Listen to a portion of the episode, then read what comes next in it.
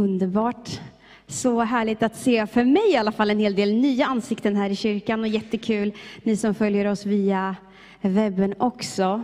Ehm, jag vet inte vad du sitter här med för känslor eller vad du sitter med där hemma, men det jag vet och är helt övertygad om är att ni är på en bra plats.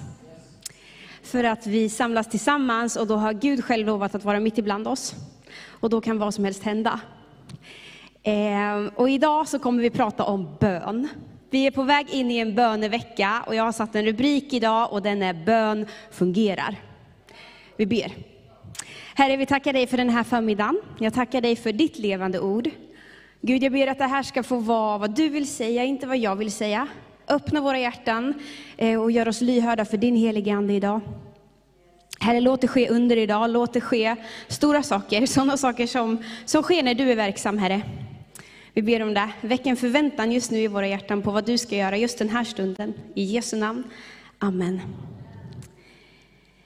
Vi är på väg in i en bön och fastevecka. Och eh, fasta, jag kommer inte prata så mycket om fasta, nästan ingenting. Men, men det handlar ju om att avstå från vissa saker för att ha mer tid för att be och spendera tid med Gud. Och det kan vara mat, det är jättebra att fasta från mat, men det kan också vara någonting annat. Jag skulle bara vilja uppmuntra dig, utmana dig att göra tid i den här veckan för att ha tid för att be till Gud. Både tillsammans med oss andra, men också individuellt. Så många gånger har jag själv känt, när man ska ha så här bön och fastevecka i församlingen, att bara man börjar prata om det så får man dåligt samvete. För man tittar på sitt schema och så känner man så här, oj, oj, oj, när, när ska jag hinna gå dit? Jag vet inte om någon känner igen sig, men jag tror faktiskt det. Och man känner att ja, men jag måste ju hinna gå en gång i alla fall. Det blir mer plikt än längtan att få be till Gud. Och jag skulle önska att den här veckan får vara precis tvärtom.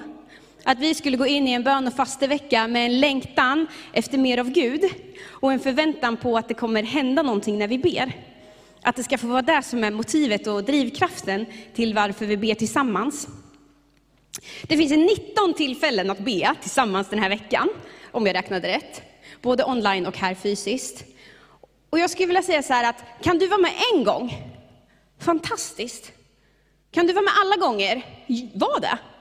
Men låt oss inte hålla på och jämföra oss med varandra och tycka att den där gick alla gånger och vad dålig jag var och sådär. Kan vi inte bara bestämma oss för att vi släpper det? Och så kommer du när du kan. Och så är du med och ber och så tror vi att det händer någonting när vi ber. Bra, då har vi lämnat det. För, nej men ibland så känner jag så här, vi delar upp oss själva i de där som ber och så de där som arbetar. Bönen och arbetet går hand i hand hela tiden i Guds verk. Det går inte att bara sitta och be. Kan man säga att man kan be för mycket? Ja, men om det är så att vi bara ber, men aldrig lyfter ett finger för våra medmänniskor, eller aldrig låter bönen få liksom en konkret effekt ut i mitt liv, då tror jag att vi hamnar fel. Samtidigt så tror jag att om vi bara arbetar, arbetar, arbetar utan att be, så tappar vi kraft i det vi gör. Det måste alltid börja med bön, det är där vi hittar kraften och vi kan få se hur Gud verkligen verkar i vårt arbete. Så bön och arbeta, det behöver vi göra tillsammans. Men det här är en vecka när vi ska få be tillsammans. Men jag tror att om vi är ärliga mot oss själva, så har vi väldigt lätt för, som kristna idag, att klara väldigt, väldigt mycket själva. Det är väldigt lätt att gå i sin egen kraft. Och ibland så glömmer man bort att be. För att om vi är helt ärliga mot oss själva och lite kritiska nu, så, så funkar väldigt, väldigt mycket utan att be också. Vi har jättemycket bra säkerhetsnät och vi, liksom, vi vet vad vi håller på med och vi klarar väldigt, väldigt mycket bra själva. Men, ser vi då allt det som vi vill se i våra liv? Om vi är helt ärliga. Lever vi i alla de löften som Bibeln faktiskt talar om, att de kristna församlingarna ska leva i? Ser vi Guds ande verka mitt ibland oss? När var du senast med och bad om någon till frälsning? Det tror jag gäller alla kristna, inte bara de som vi kallar evangelister. När fick du senast se ett helande? De här sakerna som Bibeln faktiskt talar om ska känneteckna de som tror. Jag säger det här till mig själv också. Vi gör jättemycket bra i församlingen, det är inte det jag säger. Men är vi nöjda? Det är inte jag. Jag vill se mer. Jag vill se hur Guds kraft verkar mitt ibland oss. Jag vill, jag vill att Gud ska göra sådana här saker som vi inte kan förklara bort med någonting annat än att det var Gud. Det var bara Gud. Det var en sån situation där det enda som kunde lösa någonting var att Gud klev in. Och då tror jag vi behöver be tillsammans. Så, nu ska vi läsa Bibeln. Vi ska gå till en liknelse i Lukas 18, där Jesus själv talar om hur och varför vi ska be och hur självklart det borde vara för oss att be. Lukas 18 och vi läser från den första versen. Jesus berättade för dem en liknelse för att visa att de alltid skulle be utan att tröttna. I en stad fanns en domare som varken fruktade Gud eller hade respekt för människor. I samma, I samma stad fanns en änka som kom till honom gång på gång och sa, ge mig rätt mot min motpart. En tid ville han inte, men sen sa han till sig själv, även om jag inte fruktar Gud eller har respekt för människor, så ska jag ändå ge den här änkan rätt, eftersom hon är så besvärlig.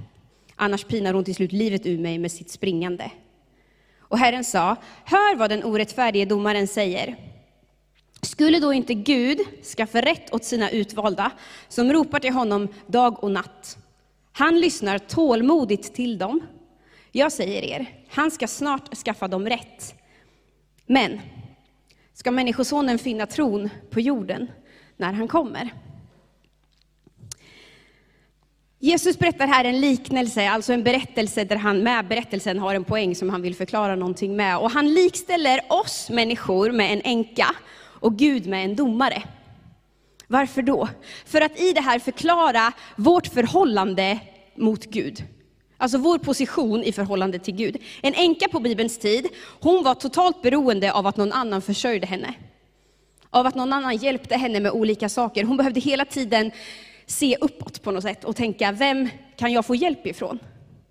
En domare däremot behövde inte bry sig om så mycket annat än sig själv. Den hade det ganska gott ställt och liksom behövde inte oroa sig för så mycket. Du och jag, men vi människor, vi är som änkan. Vi är beroende av någonting som är större och högre än oss själva. Och som jag redan sa, vi har så lätt för att glömma det. Vi har så lätt för att klara allting i oss själva, men vi är faktiskt skapta för att leva i den här underordnade relationen till Gud. Att leva med honom som våran domare. Då. Alltså att se upp till honom och be honom om hjälp. Och faktiskt uttrycka vår nöd, våra behov, våra problem, våra tacksägelseämnen också inför honom. Och det är det Jesus vill säga här. Att be, det är ju att tillbe. Och du och jag är skapta för att tillbe Gud. Att tillbe någon, det handlar om att böja sig inför någon. Att ödmjuka sig inför Gud.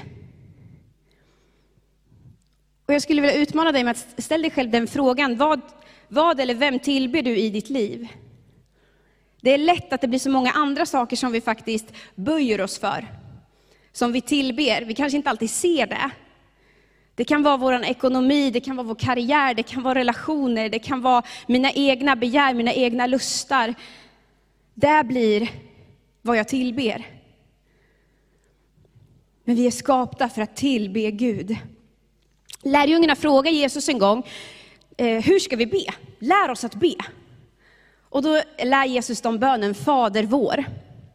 Och då är det egentligen det första han säger i den bönen, det är i Matteus 6 och 10 att kom med ditt rike och låt din vilja ske på jorden så som den sker i himlen.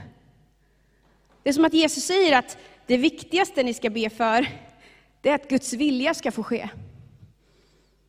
För att Guds vilja, det blir till välsignelse för oss.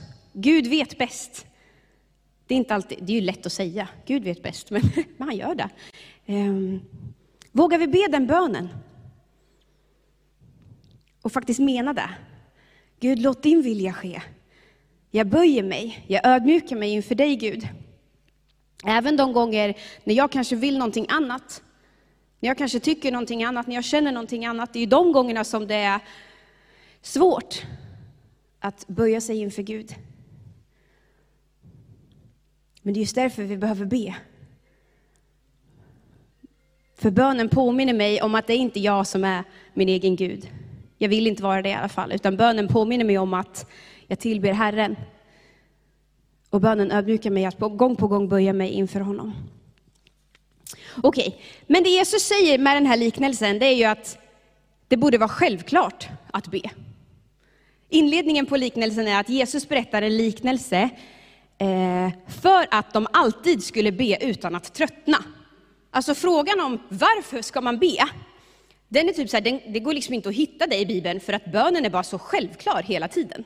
När vi ser på den första församlingen så är det som att bönen är, det är pulsen i församlingen. Man samlades kring bön eh, och det är liksom det som är DNA i den kristna gemenskapen. Som jag sa innan, det är där vi hittar vår kraft. Det är där vi samlar, det är där som Gud vill ge oss för att kunna påverka den här världen. Och grejen är att när vi ber så kommer vi ju inför Gud. Gud har lovat att vara mitt ibland oss när vi är samlade i hans namn. Så det som händer med oss, det är att vi förvandlas när vi ber tillsammans. För att Guds närvaro får ta mer och mer plats i våra liv. Vi får mer av allt det goda Gud är. Och det kan också påverka hela vår värld. Och jag tror att det är det här vi behöver idag mer än någonting annat. Jag kan inte frälsa den här världen, jag vill inte det. Men jag känner han som kan. Och han kan fylla oss så att vi kan påverka den här världen. Jag kan inte erbjuda någon ett fysiskt helande, men jag kan leda någon till honom som kan. Men då måste jag känna honom. Då måste jag vara fylld av honom. Det finns ju ett så här talesätt, man blir som man umgås. Det är ju sant. Man blir som man umgås. Vi blir mer lika Gud, vi blir inte Gud, men vi får mer av alla Guds gåvor när vi spenderar tid med honom. När vi bjuder in honom i våra liv, i vår gemenskap. Så många gånger så möter jag människor som känner kramp och ångest inför att be. man känner, men jag vet inte hur. Och man jämför, man hör hur andra ber och så känner man att så där fint kan inte jag be. Det viktiga är inte hur lång din bön är eller vilka ord du använder, utan hjärtats inställning. Och jag skulle vilja, när du kommer hem idag, så fortsätt gärna att läsa Lukas 18, för där fortsätter Jesus prata om just det här. Att det är inte liksom vilka ord du använder eller hur lång bönen är, utan det är med vilken inställning du kommer inför Gud i bönen. Om du med ett ödmjukt hjärta säger Gud, här är jag. Eller om du kommer och bara kräver massa saker av Gud. Det är hjärtats inställning. Om du känner så här, men jag vet, inte, jag vet inte vad jag ska be för, då kan du tacka Gud. Det finns alltid något att tacka för. Och ofta tycker jag det är så att när vi börjar be, man kan känna så här, men vad ska jag be för? Jag vet inte riktigt. Och så börjar man be, så kommer man på massa saker man kan be för. Tacka Gud. Vad ska jag tacka för kanske du känner? Ja, har du ätit frukost idag? Alltså, vi tar så mycket för givet. Tacka Gud. Och han vill lära dig att be. Många av oss har också så otroligt svårt för att be högt. När man ber någon så här, kan du leda i bön? Nej. Ibland så tänker jag så här, det finns näst, vill man skapa lite konstig och spänd stämning i en gemenskap, då kan man säga, ska vi be tillsammans? Bland kristna alltså. Varför är det så? Vi kan ha hur trevligt som helst, det kan sprudla, det bubblar och vi har jätte, jättehärligt och det ska vi ha. Men så säger man, ska vi be tillsammans? Mm. Kan vi inte bara komma över det där? Kan det inte bara få bli naturligt att det är liksom inte olika saker när vi har gemenskap och när vi ber, utan det borde vara en naturlig del av vår gemenskap att också be tillsammans.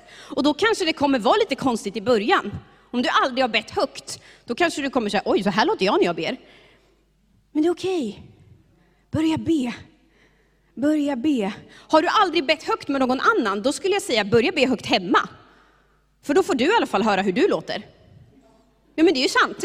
Då vet du hur du låter och då kommer det vara lite mer naturligt när du ber med andra. Och sen så måste man ibland bara kliva över den där tröskeln av att det är lite läskigt. Och inte tänka, nu måste jag be i tre minuter, utan be den bönen du vill be. Med ett ödmjukt och öppet hjärta. För det är det Bibeln talar om. Jesus vill med den här liknelsen också säga att det är självklart för oss att be för att Gud svarar på bön. Som jag sa innan, han likställer oss med, med änkan och domaren i den liksom positionen vi har mot Gud. Men där, alltså, när jag läste den här liknelsen första gången, då kände jag så här, jaha, så Gud är som en domare som vi behöver tjata på. Och till slut så, så kommer Gud känna så här, nej jag orkar inte lyssna längre, du får väl som du vill då. Men det är ju inte alls det Jesus säger. För det händer någonting i liknelsen och han vänder på det och säger, se hur en orättfärdig domare till slut ger upp och lyssnar på änkan. Gud är motsatsen till orättfärdig. Och så säger han, skulle då inte Gud, som är vår himmelska fader, ge sina barn rätt när de ropar till honom? Alltså Gud lyssnar inte på oss och till slut bara inte orkar längre och därför svarar på våra böner. Tvärtom, Bibeln talar om att innan vi ens har bett om orden vi ska be så vet han vad vi ska säga. Så intresserad är han av vad vi vill säga i bönen till honom. Och han vill också svara. Det är ett samtal med Gud. Där han har lovat att han ska komma med hjälp. Trots att han vet vad vi ska säga, så vill han ändå höra. Hur stort är inte det? För mig är det ett sånt bevis på hur mycket Gud älskar mig. Och jag tror att jag har berättat det här förut några gånger, men min man Gabriel, han, ibland kommer han och berättar någonting för mig som jag redan vet. Som han redan har sagt. Och även om jag då vet så här, jag vet att han tycker det är kul att berätta det här, men då orkar inte jag alltid höra. Så då säger jag, du har sagt det här förut. så får han inte berätta mer. och då älskar jag ändå Gabriel. Gud gör inte så. Är ni med? Han vet vad jag ska säga redan innan jag har sagt det, men han säger inte, ja du har sagt det här förut. Utan han lyssnar färdigt. Och lyssnar färdigt och lyssnar färdigt och lyssnar färdigt varenda gång. För att han älskar oss så otroligt mycket. Och för att han vill höra vad vi har på våra hjärtan. Och jag vet att ibland så får vi inte de bönesvar som vi hoppas på. Ibland så dröjer bönesvaren, ibland blir det inte som vi har trott. Och där kan inte jag svara på, jag vet inte varför. Men det jag vet är att vi kan fortsätta be. Vi kan hålla ut i bönen. Och jag vet att det funkar att be. Jesus avslutar den här liknelsen med att ställa en fråga. Kommer det finnas de som ber som den här änkan ber när han kommer tillbaka? Kommer den tron hon visar i att fortsätta be tills hon får det hon önskar, kommer den tron finnas när Jesus kommer tillbaka? Vad lätt det är att antingen kanske be en gång. Man ber till Gud, man lägger något i hans händer och sen tänker man, nu har jag bett för det där, det är hos Gud. Och det är det ju, han har hört bönen. Absolut. Men är vi uthålliga i bönen? Fortsätter vi att be? Eller blir vi ibland så till och med att Gud blir den sista lösningen? När vi har testat allting annat, då vänder vi oss till Gud i bön. Som jag sa innan, vi har ju så otroligt mycket bra säkerhetsnät i vårt land och jag säger inte att vi inte ska använda dem. Vi ska använda läke, läke, eller vad säger man? sjukvård, vi ska använda alla våra liksom sociala säkerhetsnät och allt sånt där. Men det behöver inte vara motsatser till varandra. Jag tror vi kan söka bön så fort det dyker upp något i våra liv, så vi lägger det i Guds händer, vi söker Gud. Och vi använder också allt det Gud har välsignat oss med i vårt land. Det är inte motsatser till varandra.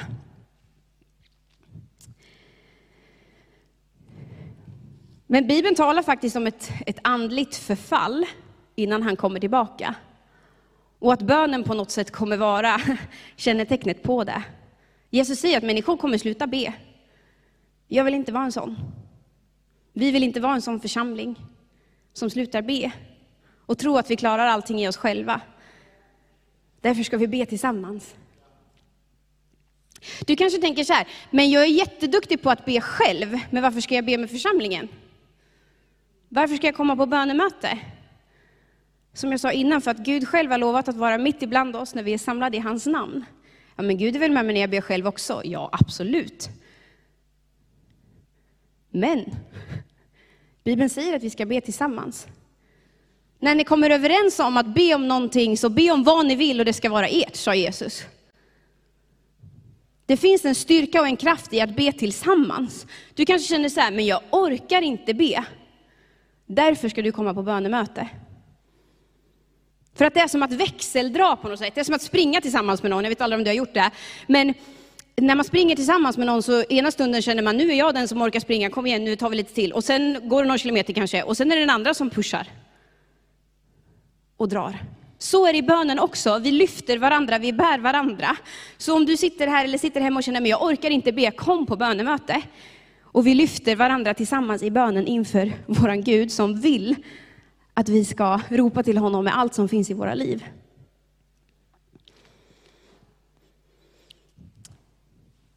Jag ska alldeles strax landa faktiskt. Men jag skulle vilja säga så här, tänk om vi den här veckan skulle gå på bönemöte för att vi faktiskt tror att det funkar. Inte för att du ska döva ditt dåliga samvete, inte för att du ska av plikt liksom känna att nu har jag det gjort, inte för att du ska ha visat för någon av oss pastorer att du har gått på ett bönemöte. Utan för att det faktiskt finns saker i våra liv som det enda vi kan göra för att få en lösning på är att ropa till Gud. Och tänk om vi skulle gå på bönemöte den här veckan för att vi faktiskt tror att bönen funkar. För att vi faktiskt tror att det händer någonting när vi ber till Gud. Det finns så många saker som, som vi inte kan förändra.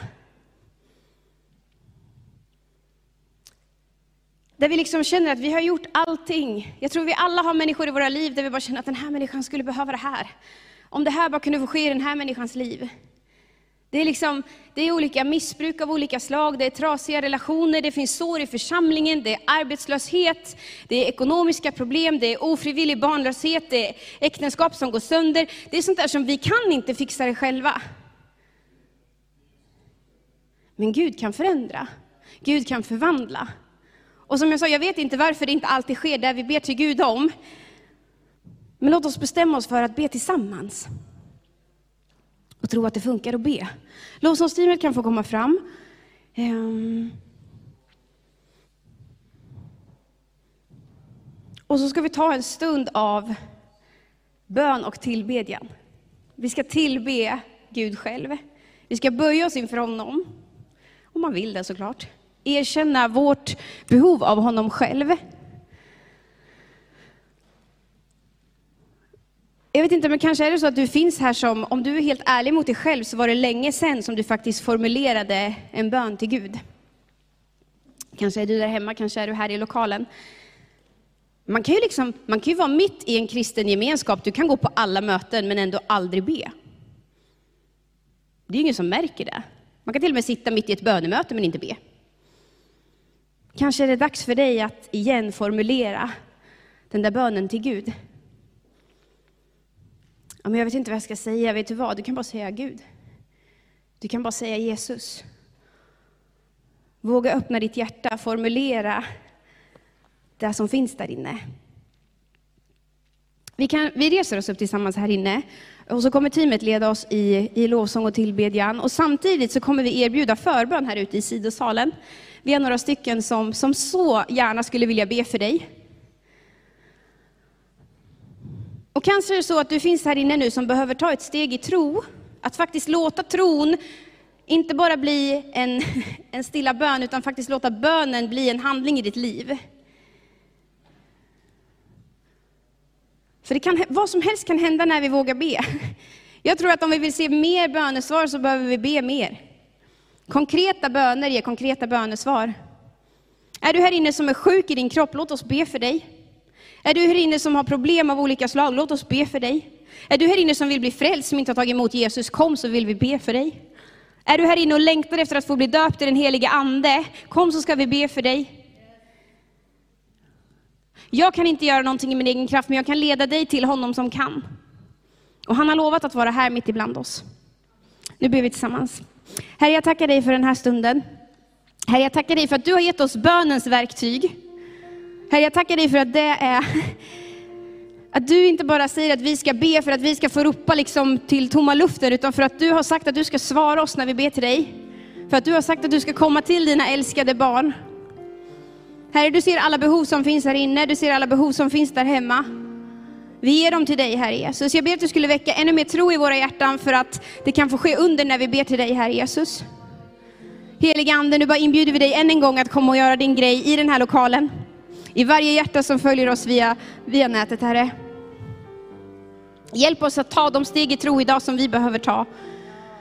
För att få se hur du verkar, hur du funkar, hur du gör saker, Herre Jesus. Vi ber om det i Jesu namn. Amen.